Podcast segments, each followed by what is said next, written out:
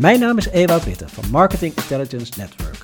Wij helpen iedereen die binnen Marketing Intelligence, ofwel marktonderzoek en data analytics, werkt met groeien.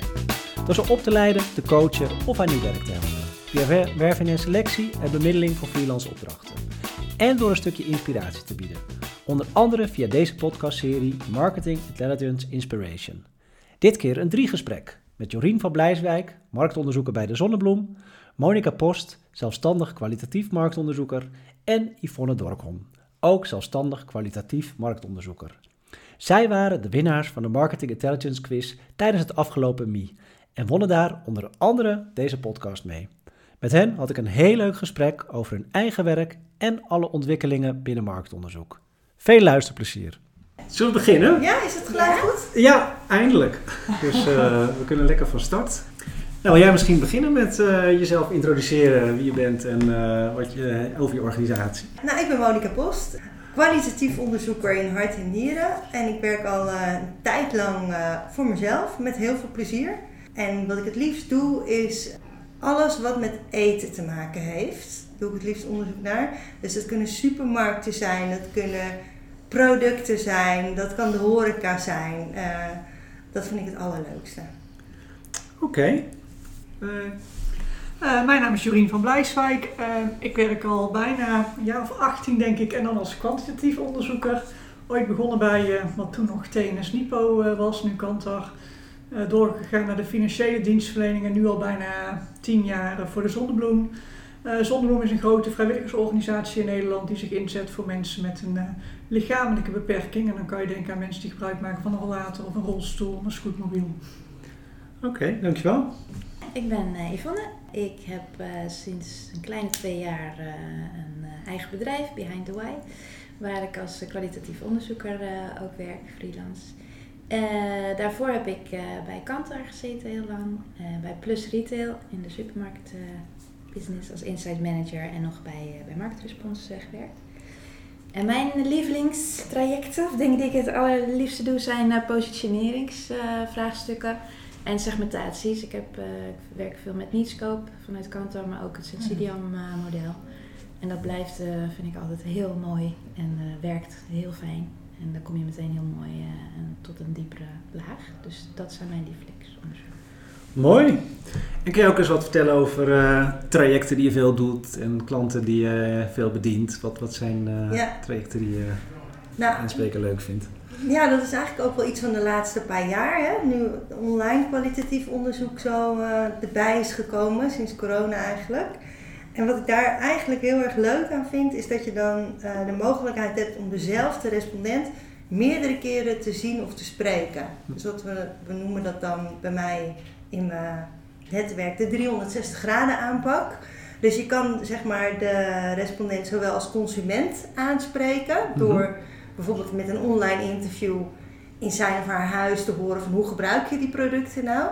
Maar diezelfde respondent kan je daarna ook weer tegenkomen in een winkel of daar afspreken voor een shoppalong bijvoorbeeld. En dan zie je diegene in zijn rol als shopper, waardoor je eigenlijk de hele cirkel rond kan maken en het hele plaatje heel goed kan begrijpen. Hm. Dat vind ik echt hele leuke trajecten van de laatste jaren eigenlijk. En dat komt dus ook steeds meer die vraag daarnaar en uh, wat het echt uh, past voor jou uh, qua, qua ook aanpak. Ja, wat je ook ja, steeds vaak voorstelt. Er is al heel veel gepraat over online kwalitatief en de opkomst daarvan en de voordelen natuurlijk sinds corona. Natuurlijk het is een super voordeel dat je landelijk kan. Dat je niet altijd alleen maar weer met de mensen uit Amersfoort zit te praten. Hm. Um, maar dit vind ik dan eigenlijk ook wel een groot voordeel. Dat je dus ja, één respondent wat beter kan leren kennen en kan begrijpen. Ja. Uh, en niet alleen maar iemand even in de laboratoriumsituatie van een groepsdiscussie spreekt en daar dan denkt van nou, hoe zou het thuis gaan of hoe zou hij zich in de winkel gedragen. Ja, dus echt de diepe ja. laag beetpakken. Ja. ja. En hoe zit het bij jou? Wat voor soorten trajecten komen er bij jou zo al uh, veel langs? Nou, bij, bij, ons is het natuurlijk heel breed, omdat ik voor een organisatie werk. Dus dan komen eigenlijk alle type onderzoeken komen wel, uh, komen wel voorbij. Uh, de standaard procesmetingen, tevredenheidsonderzoeken, imago-onderzoeken. we doen veel producten- en concepttesten, behoefteonderzoeken. we maken gebruik van een groot panel waar ongeveer 10.000 mensen in zitten. Dat zijn van onze donateurs, mensen met een beperking en vrijwilligers. Dus daar kunnen we regelmatig onderzoeken onderuit zetten. Uh, daardoor zie je ook dat de binding met je achterban toeneemt en wat ze een stem hebben in de organisatie. En nou, jij zei het net al, kwalitatief onderzoek doen we ook regelmatig. Dan werken we wel samen met een bureau. En dat heeft voor ons, is de afgelopen twee jaar echt veranderd door corona voorheen was het voor ons heel moeilijk om, of redelijk moeilijk om in contact te komen met onze doelgroep. Dus vooral de mensen met een lichamelijke beperking. Je ziet dat die door een beperking vaak aan huis uh, gebonden zijn en lastig vinden om naar een locatie toe te komen. Dus je had ofwel de groepjes mensen inderdaad, wat jij net zegt, rondom Amersfoort, of je moest op zoek naar andere manieren. En doordat die mensen nu online mee kunnen doen naar groepsgesprekken, ja, zie je gewoon dat het allemaal veel gemakkelijker is geworden eh, voor ons om die mensen te spreken. Ja. Dat is een mooi voordeel daarvan dan eigenlijk. Ja, ja zeker, dus- een, uh, zeker een mooi voordeel. Ja. Mensen vinden het ook heel fijn dat ze daardoor beter hun stem kunnen laten horen, want ze zijn niet meer afhankelijk van vervoer om ergens te komen. En hoe zit dat? Uh, komen er uit alle hoeken en gaten van de organisatie vragen bij jou op je bordje terecht? Of uh, kan, je, kan je daar een beetje sturing aan geven? Ja, nou, voorheen viel ik onder marketing. Dus toen kwamen de verzoeken vooral vanuit de marketingkant. En nu sta ik eigenlijk boven de, ja klinkt zo gek, boven de afdelingen, maar uh, we zijn binnen Zonbloem een expertisecentrum zoals we dat noemen. Waar de, wij zijn eigenlijk verantwoordelijk voor alle data die in de organisatie uh, wordt gecommuniceerd en opgehaald. Ja. Uh, dus ik krijg verzoeken van een communicatieafdeling als het gaat om hè, hoe heeft onze campagne het nu gedaan. Natuurlijk meten we wel op basis van allerlei cijfers van Google of vanuit het mediabureau. De harde cijfers halen we dan wel op, maar door middel van onderzoek gaan we dan ook kijken van ja, maar hoe is die campagne dan ontvangen? Welke emoties heeft het dan bijvoorbeeld opgeroepen? Is de naamsbekendheid wel of niet gegroeid? Nou, vanuit producten en diensten krijg ik dat, ja, zo die afdeling dan, maar dat is de afdeling die verantwoordelijk is voor uh, bijvoorbeeld onze vaarvakanties. Ehm, daar krijg ik dan weer verzoeken vanuit, of vanuit, wat hebben we nog, de, de vrijwilligersafdeling, waar alle vrijwilligers onder vallen. Dus het is eigenlijk heel breed. Ja, precies. En het is heel mooi dat, dat iedereen in de organisatie weet je ook wel uh, te vinden. Dus ik merk wel dat bij ons de onderzoeken ja, die we doen, daar wordt ook wel echt wat mee gedaan. Dus het verdwijnt niet in de kast, maar je ziet het echt wel weer terugkomen in het jaarplan of meerjarenplannen. Gelukkig maar. Ja. Zeker, ja, anders... Uh, dus je werkt ook niet leuk hè, als je het voor niks doet. Maar uh, ja, nee, het heeft zeker een, uh, een, centrale rol bij ons in de organisatie. En iedereen komt dan ook wel echt naar het expertisecentrum toe met hun verzoek. En niet dat mensen dus zelf gaan knutselen met uh, vragenlijstjes of uh, SurveyMonkey of dat soort nee, tools. Nee, dat zal je tevreden stellen. Ja. en hoe zit dat bij jou qua, qua soorten trajecten of voorbeelden? Kan je daar wat dingen van benoemen wat je onlangs misschien hebt gedaan? Trajecten waar ik het meest trots op ben, omdat die de, meeste impact hebben gehad in mijn uh, uh, carrière als uh, onderzoeker tot nu toe, is in ieder geval bij Plus heb ik persona's geïntroduceerd toen ik daar hm. werkte. En dat was heel bijzonder, omdat als supermarkt werd er vaak gezegd van nou ja, wij kunnen ons niet echt richten op één bepaalde doelgroep, want ja, we zijn een supermarkt, we zijn er voor iedereen. maar door toch te laten zien van ja, oké, je komt wel, heel Nederland komt bij jou over de vloer, maar er zijn wel groepen mensen met bepaalde behoeften uh, die bij jou binnenkomen en die willen echt op een andere manier benaderd worden. Door dat in kaart te brengen, en dat is ook super praktisch met echt gewoon één persoon met een gezicht en een naam en uh, uh, heel veel achtergrondkenmerken, snapte op een of andere manier iedereen dat opeens. Mm. En ging dat dus helemaal een soort eigen leven leiden en zijn ze daar helemaal ingedoken ja, op allerlei afdelingen werd dat helemaal omarmd. En nu nog steeds, ik ben daar inmiddels al uh, nou, zeven jaar weg. Maar ze zijn nog steeds going strong. En ze oh, leven nog steeds uh, bij Plus. Dus dat is heel mooi. Uh, dat vind ik echt een mooi voorbeeld van hoe onderzoek echt verschil kan maken in een organisatie. En andere dingen die ik heel um, fijn vind zijn gedragsveranderingstrajecten. Hm die, dat vind ik ook, komt ook steeds meer naar voren. Uh, voorheen was behavior change nog heel erg iets wat meer in de non-profit hoek uh, zat en vanuit de overheid. En nu betekent dat het ook commercieel wat meer opgepakt wordt. En dat is ook heel mooi, omdat je ook weer, uh, precies wat jij zegt, Monika, je niet alleen kijkt naar, oké, ik heb even een interview met iemand en ik weet nu zijn mening. Maar je, je, maakt het veel breder. Dus we hebben ook met experimenten gewerkt, met scenario's, met observaties. Dus een hele brede aanpak. Waardoor je er echt achter komt, oké, hoe werkt iemand zijn hoofd en wat betekent dat voor het gedrag wat hij uh, gaat laten zien.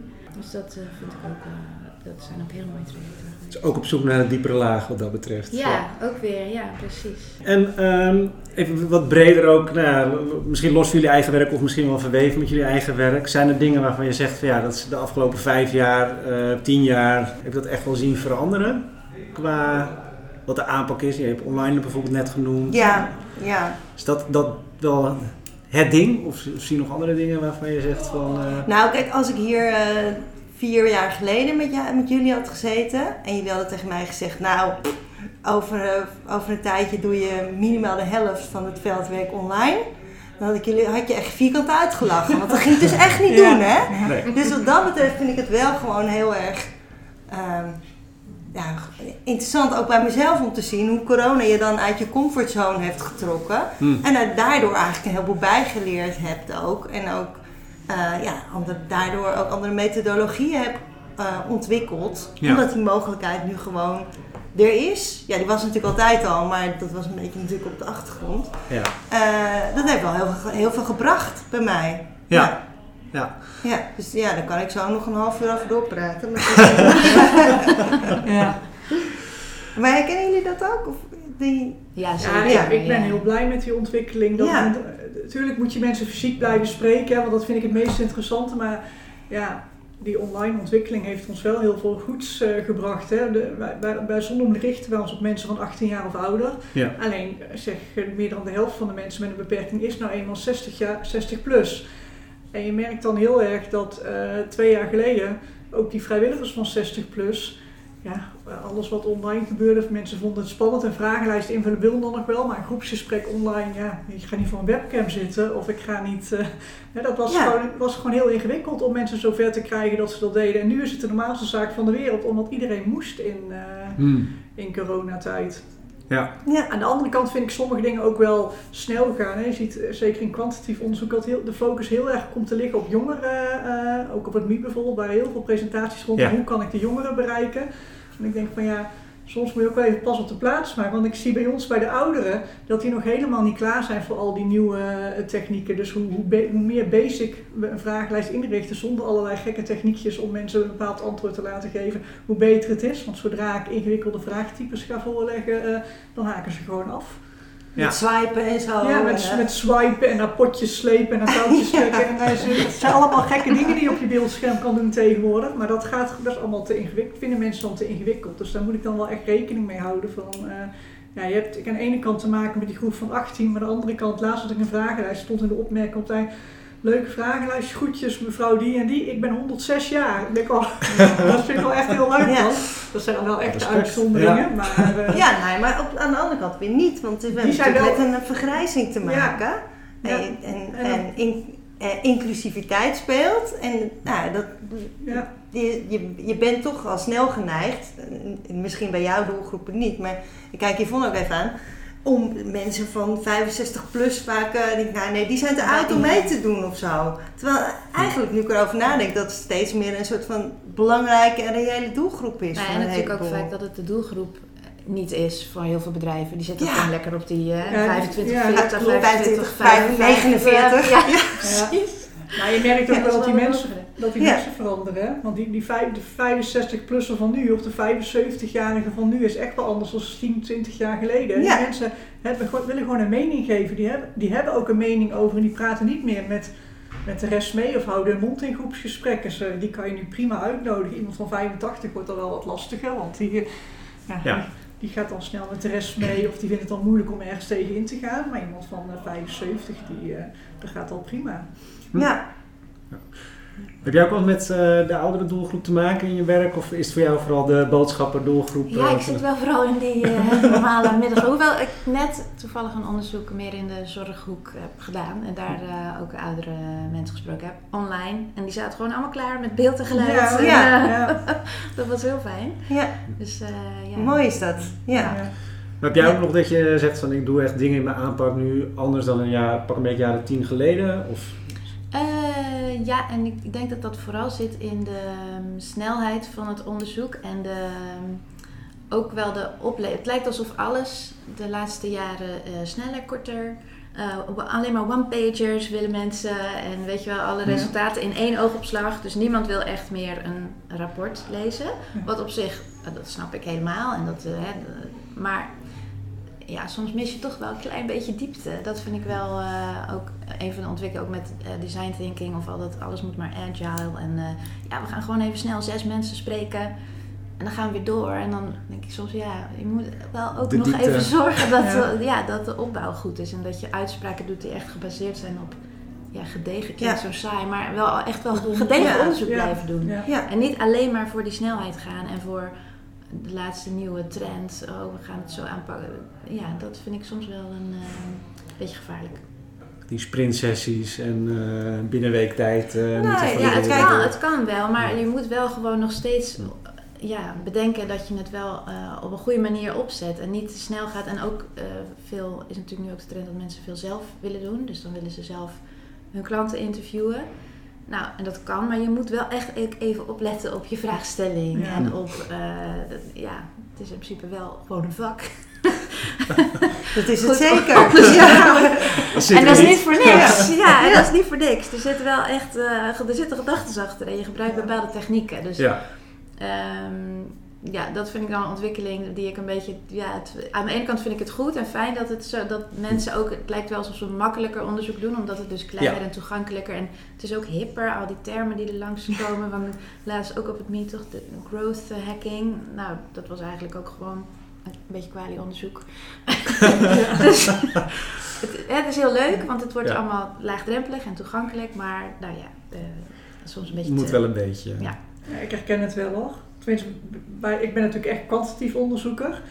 En ik merk dan, ik heb best wel vraag, vaak vraagstukken waarvan ik zeg van nou hier is eerst kwalitatief onderzoek voor nodig. En dan werken we samen met een bureau en dan zie je, hoor je soms als collega, kunnen we dat dan niet even zelf doen?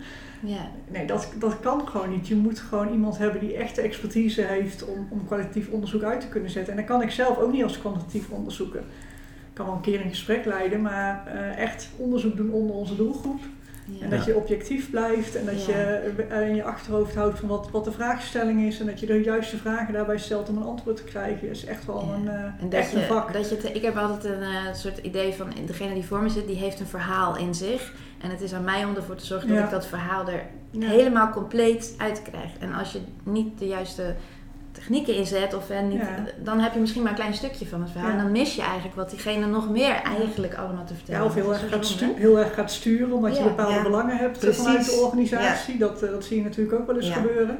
Ja. En dat staat denk ik los van trends en ontwikkelingen. Eh, En wat, ik nog, ja, wat nog altijd zo is, en volgens mij ook altijd zo zal blijven, is dat je met kwalitatief onderzoek ook zeg maar ehm, mensen in bedrijven die aannames hebben over hun doelgroep of over hun gebruikers, kan helpen om ze weer dat te verrijken of Ja. op een ander spoor te zetten. Ja. Of ik had gisteren nog twee groepen gedaan. En dat je, ja, weet je, die, die opdrachtgever die dacht van tevoren, nou, mensen denken zo, weet je. Dat, en die is een soort van amazed, eh, heeft hij meegekeken. Hij zei, nou, dit was zo bizar wat ik hier weer gehoord heb. Maar hij stond er ook echt heel erg open voor. Ja. En dan denk ik, ja, dus eigenlijk ga ik, ja, ga je, kan je nu veel beter je ideeën gaan ontwikkelen op wat je nu gezien en gehoord hebt. Ja. En dat, is, dat staat los van alle ontwikkelingen en trends, denk ik, dat blijft gewoon, dat blijft gewoon de essentiële rol van kwalitatief onderzoek. Maar herken jij dat vanuit de rapportages ook, wat eh, Yvonne net zei? Dat het ook eh, vaker in een wat kortere, snellere manier eh, teruggekoppeld moet worden? Of in een ander format misschien wel? Ja, aan de ene kant wel, maar aan de andere kant eh, ook weer niet. Want als je echt een exploratief, essentieel eh, basisonderzoek doet, ja, dan schrijf je sowieso zo'n segmentatieonderzoek van jou, Yvonne, denk ik. Dat is sowieso, dat kan niet op een one. Ja, en dan- dat zou zo zonde zijn als je dat eh, even snel eh, in twee dagen zit Ja. te rapporteren. Dus daar is nog wel echt wel aandacht en ruimte voor om dat helemaal eh, te begrijpen, vind ik, bij opdrachtgevers. Ja. Het ligt denk ik ook een beetje aan wie je lezer is. Ik merk vaak bij mijn onderzoeken dat ik wel meerdere, rap- zeker, zeker grote eh onderzoekstrajecten, die bijvoorbeeld bestaan uit een kwalitatief deel en dan een toetsing eh, kwantitatief. Ja, dat afhankelijk van de lezer ik verschillende versies van de rapportage eh, maak. Dus voor het Mm. bestuur of voor het management maak je vaak alleen een samenvatting, misschien met maximaal vijf eh, slides. Zo van, nou, als ze die lezen ben ik heel blij, want dan hebben ze in ieder geval de kern van de boodschap, eh, nemen ze tot zich. En dan voor de opdrachtgever vaak een uitgebreid rapport die echt de diepte in kan om te zien van eh, wat, de werk, wat de echte resultaten zijn en wat de verschillen zijn tussen verschillende groepen eh, en zo. ja, voor de mensen die er echt mee aan de slag Ja. moeten in jouw organisatie. Ja. Ja. Ja. Dus als Ja. ik een onderzoek doe voor team communicatie, dan krijgen die een uitgebreid rapport. Wel in PowerPoint, niet meer in Word. maar, en dan voor het management maak je dan een samenvatting bijvoorbeeld. Of een, ja, Ja. soms een infographic.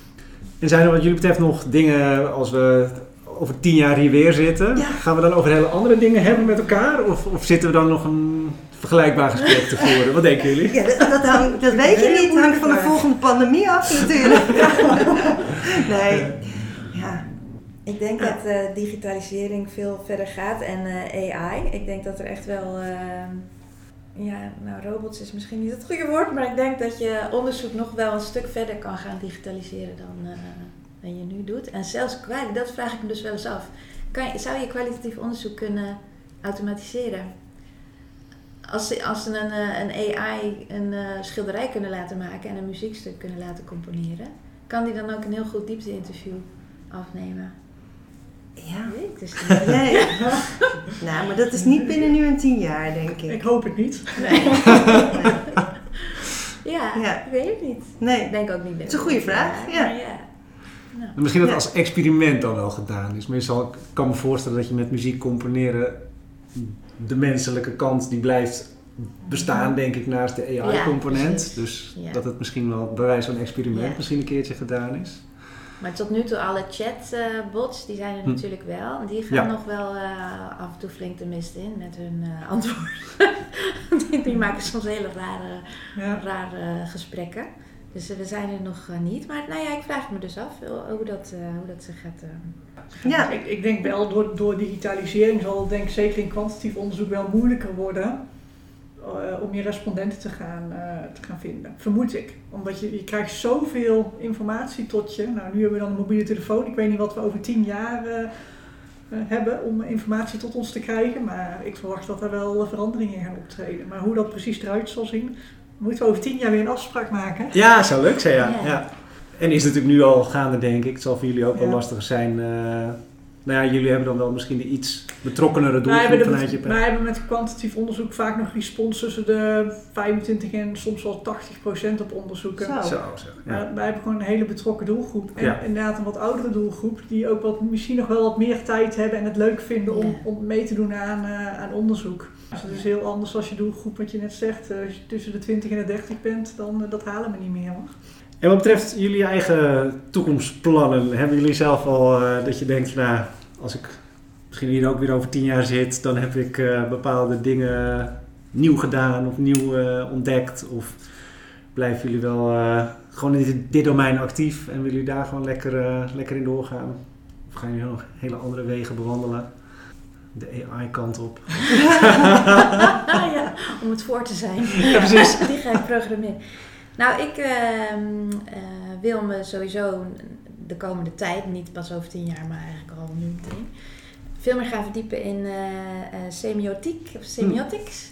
Ik ben geïnspireerd geraakt op het, eh op het MIE door een presentatie daar. En ik zie daar echt een hele grote toegevoegde waarde in. Een heel mooie raakvlakken aan, aan kwalitatief. Ook eigenlijk ook weer omdat je dan dus een mens veel breder in zijn context zet. Ja. En niet alleen maar weer dat ene gesprek, maar snapt waar, waar die gedachten van hem vandaan komen en in welke wereld hij opereert. Dus daar ben ik nu eh, een beetje in aan het duiken. En ik hoop dat ik daar ook projecten op kan gaan doen eh, Ja, in de toekomst. ik echt verankerd in je visie en eh, je Ja. werkwijze. En hoe ben je daarin aan het duiken? Nou, door een boek te lezen Ja? van eh, wat mij ook aangeraden is op het MI. Dat heet eh, Using Semiotics in Marketing van Rachel Laws. En dat is echt een super concreet eh, ehm, boek. Wat heel erg uitlegt gewoon wat het is, hoe je het kan toepassen.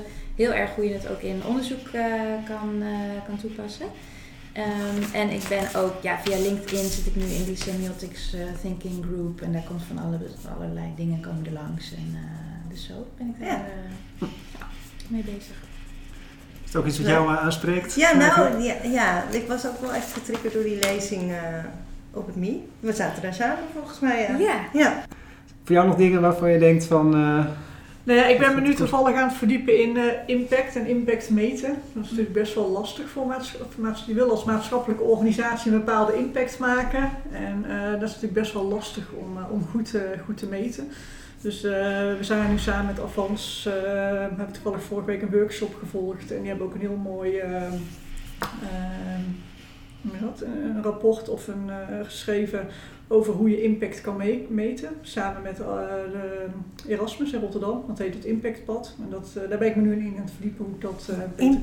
Impact? Impact. Wat is, ja. ja impact is dus op het moment dat je dus, ja, heel simpel gezegd, je, je, kan, je kan impact hebben als complete organisatie. Maar als je het heel klein wil maken, bijvoorbeeld je geeft een workshop aan onze vrijwilligers, dan vraag je in de afloop van die workshop ben je geïnspireerd, heb je nieuwe kennis opgedaan. Nou, dan heb je een bepaalde impact gemaakt aan die vrijwilliger. Maar uiteindelijk wil je natuurlijk weten, ja, maar door die workshops die je geeft en die nieuwe kennis die ze opdoen, gaan ze dat daadwerkelijk toepassen in hun, in hun vrijwilligerswerk. En verandert het daardoor ook iets in de manier waarop ze die deelnemers uh, bedienen. Ja. Dus dan ga je weer naar een hogere vorm van impact. En de vraag is, hoe kan je dat dan weer uh, gaan meten? En dat is dan op één niveau, maar dat kan je natuurlijk op al je producten doen. Wij hebben bijvoorbeeld een, een auto die mensen kunnen huren die afhankelijk zijn van een rolstoel. En dan kunnen ze er een dag op uit. Nou, we weten dat dat behoorlijke impact heeft voor die mensen. Want ze kunnen bijvoorbeeld met kerst naar hun familie toe, wat anders niet mogelijk was. Maar uiteindelijk, wat betekent dat dan voor hun leven? Zijn ze daardoor bijvoorbeeld minder eenzaam eh, geworden doordat ze van die auto gebruik kunnen maken? Nou, daar zijn we dus aan het kijken hoe we dat precies kunnen gaan meten. Mooi. ons dat ook gaat helpen, bijvoorbeeld bij financieringsaanvragen. Ja, ja, ja. Laten zien dat je hard kan maken ja. van zoveel impact hebben we hiermee gemaakt. Dus. Ja. Dus het gaat verder van hè, mensen die met ons uh, die auto huren of die meegaan op vakantie, die geven gemiddeld een 9 aan onze producten en diensten. Dat is heel leuk, maar uiteindelijk wil je juist weten van ja, wat is dan die betekenis van datgene wat je, wat je aanbiedt. En we hebben daar wel een beeld van, maar we willen dat wat meer hard gaan maken door middel van, van onderzoek. Dus daar zijn we ons nu al in aan het verdiepen hoe we dat uh, kunnen doen. Kijk, en ja. bij onze volgende podcast uh, kun je ja. daar alles over vertellen hoe je dat... En nou ja, we hadden net al even een sneak preview in de wat lezen of luisteren of doen jullie om bij te blijven. nou, om misschien gelijk maar even met jou te brengen. Je hebt vanuit de semiotiek. Zijn er nog andere dingen die je wellicht Dat is nu mijn, ehm, dus dat is nu inderdaad mijn, mijn focus. Ja, andere dingen in mijn vakgebied. Ja, ik, ik luister eigenlijk juist dus heel veel podcasts. Daar hadden we het net over. Um, maar die zijn niet specifiek uh, op marktonderzoek gericht. Behalve natuurlijk deze podcast. Ja, natuurlijk. Ja. maar ik heb eigenlijk allerlei podcasts die heel erg gaan over de psyche van de mens. En uh, hoe mensen in elkaar zitten en hoe mensen soms zichzelf zo moeilijk kunnen maken. Dus bijvoorbeeld de Omdenken podcast vind ik heel erg leuk. Uh, de podcast Psycholoog is heel, uh, vind ik ook heel interessant. En um, uh, wat ik ook net zei, Esther Perel, dat is een relatietherapeut. En die heeft een hele mooie podcast, Where Should We Begin? Waar nou ja, mensen met hun relatieproblemen komen. Ik, vind, ja, ik geniet daar echt van. Het is fascinerend om op te luisteren. Dus eigenlijk iedereen die, ja, die het leuk vindt om mensen in elkaar, om andermans problemen te horen, kun je lekker even daar, daar gaan luisteren. Goeie. En heb jij... Uh, nou ja, dat heb ik zeker. Nou, waar ik uh, zelf uh, mee bezig ben ook, ik weet niet of het iets van nu is, maar um, met levensverhalen. Dus eigenlijk mijn interview skills ben ik op een andere manier aan het toepassen. en ik ben eigenlijk geïnspireerd geraakt door een boekje van René Dijkstra. Dat heet In gesprek met je ouders. En eigenlijk is zijn centrale thema van dat boek dat op het moment dat je meer begrijpt van de levens van je ouders of van andere familieleden, dat je ook meer van jezelf begrijpt. Hm. Ehm, en ik ben nu mee begonnen met uh, de levensverhaal. Ja, mijn intentie is: mijn moeder leeft nog, mijn vader is uh, helaas zes jaar geleden overleden. En hoe, kan ik terug, hoe langer die overleden is, hoe meer ik denk, oh, dit had ik nog van hem willen weten. Ja, ja, hoe zat het daar eigenlijk mee? Ja. Um, en dus mijn doel is ook nog om ouders en schoonouders uh, uh, hun levensverhaal te ontfutselen. En ik ben er hmm. nu mee begonnen met een oom van mij. En met behulp van foto's zoveel mogelijk heb ik me laten vertellen over zijn verleden. Wat dus ook raakt aan het leven van mijn vader. Ja. Uh, en dat ga ik nu eerst optekenen. En dan wil ik eigenlijk ook die levensverhalen van mijn ouders en schoonouders gaan optekenen. Wat met mooi. behulp van uh, wat ik eigenlijk altijd doe in het dagelijks leven. Ik dat zeggen, ja. Dat ja. ben je natuurlijk wel... Ja, een uh, soort zijpad. Je weet wel hoe je de, de, goede vragen wat dat betreft moet stellen. Ja. dat scheelt een heleboel. Ja. ja. Ja, wat een mooie, mooie missie. Zijn voor jou nog dingen die, leest, volgt om bij te blijven? Nou, ik, leuk ik, vindt volg vooral veel, ik volg, volg, volg vooral veel uh, rondom filantropie natuurlijk. Je hebt de Dikke Blauwe en Goede Doelen Nederland. Uh, nou, de, hè, de nieuwsberichten vanuit het MI uh, volg ik natuurlijk. Ja, en ik vind het vaak, omdat ik echt in een organisatie zit, daardoor is, heb je natuurlijk wat minder contact. tenminste, ik ben als enige actief in de organisatie als marktonderzoeker, dus je hebt daar wat minder contact met collega's. Dus ik probeer wel uh, met collega's in het veld af en toe uh, af te spreken. Zo bijvoorbeeld een groepje met marktonderzoekers van verschillende goede doelen waarmee we af en toe uh, samenkomen om ervaringen uit te wisselen. Nou, dit vind ik heel leuk, heel leuk om te doen. Dus ja, en ik ben ook blij dat het weer kan na corona. Ja, zeker. Ja. Dus daar probeer ik vooral mijn kennis op te halen en een beetje bij te spijkeren. Zijn er tot slot nog dingen waarvan jullie zeggen van nou, die hebben we nog niet besproken, maar ik zou het wel leuk vinden om dat nog als toegift te vermelden? Nou, misschien wel. Kijk, als ik ons alle drie zo hoor, zitten we al best lang in het vak, hè? Ja. En, um, en ik ben benieuwd hoe jullie erover denken, maar, maar de, het zou ook voorspelbaar kunnen gaan worden. Dat je, nou, we gaan nu weer dit onderwerp onderzoeken. Maar wat ik er nou zo leuk aan blijf vinden, is dat het altijd, ook als onderzoeker, weer anders is dan dat je ook al denk je van, nou, dit, heb ik, dit onderwerp heb ik laatst ook al een keer gedaan, of vijf jaar geleden of tien. Het blijft altijd weer verrassend en het blijft, ja, je blijft nieuwsgierig of zo. Ja, ja. Herkennen jullie dat? Ja, 100 procent. het blijft leuk. Ook elke keer als ik een aanvraag krijg, dan voelt het echt alsof ik een cadeautje heb. Van, oh,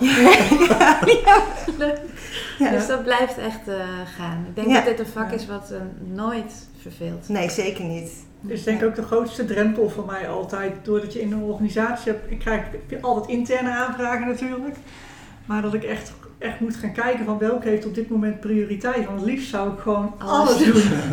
en ik heb ook wel periodes dat ik dan te veel aanneem en dan merk ik mezelf helemaal uh, over de kop. Maar uh, ja, het, het, het, is een vak, het blijft, blijft, altijd leuk. Zelfs bij onderzoeken die terugkeren na een x aantal jaren. De wereld verandert en daarmee veranderen ook de resultaten weer. Ja. Het is zo fijn dat je dan mensen van nieuwe inzichten kan, uh, kan voorzien. Ja. ja. Hey, leuke afsluiter. En Dank jullie wel. Ja, ik denk dat we een heel leuk uh, gesprek hebben opgenomen zo, toch? Ja, ook bedankt. Ja, dankjewel. En hiermee zijn we weer aan het einde gekomen van deze podcast. Ik hoop dat je het weer interessant vond. Er staan weer nieuwe podcasts in de planning, dus hou onze website, LinkedIn of jouw favoriete podcast app weer goed in de gaten. Leuk dat je weer luisterde en hopelijk tot de volgende.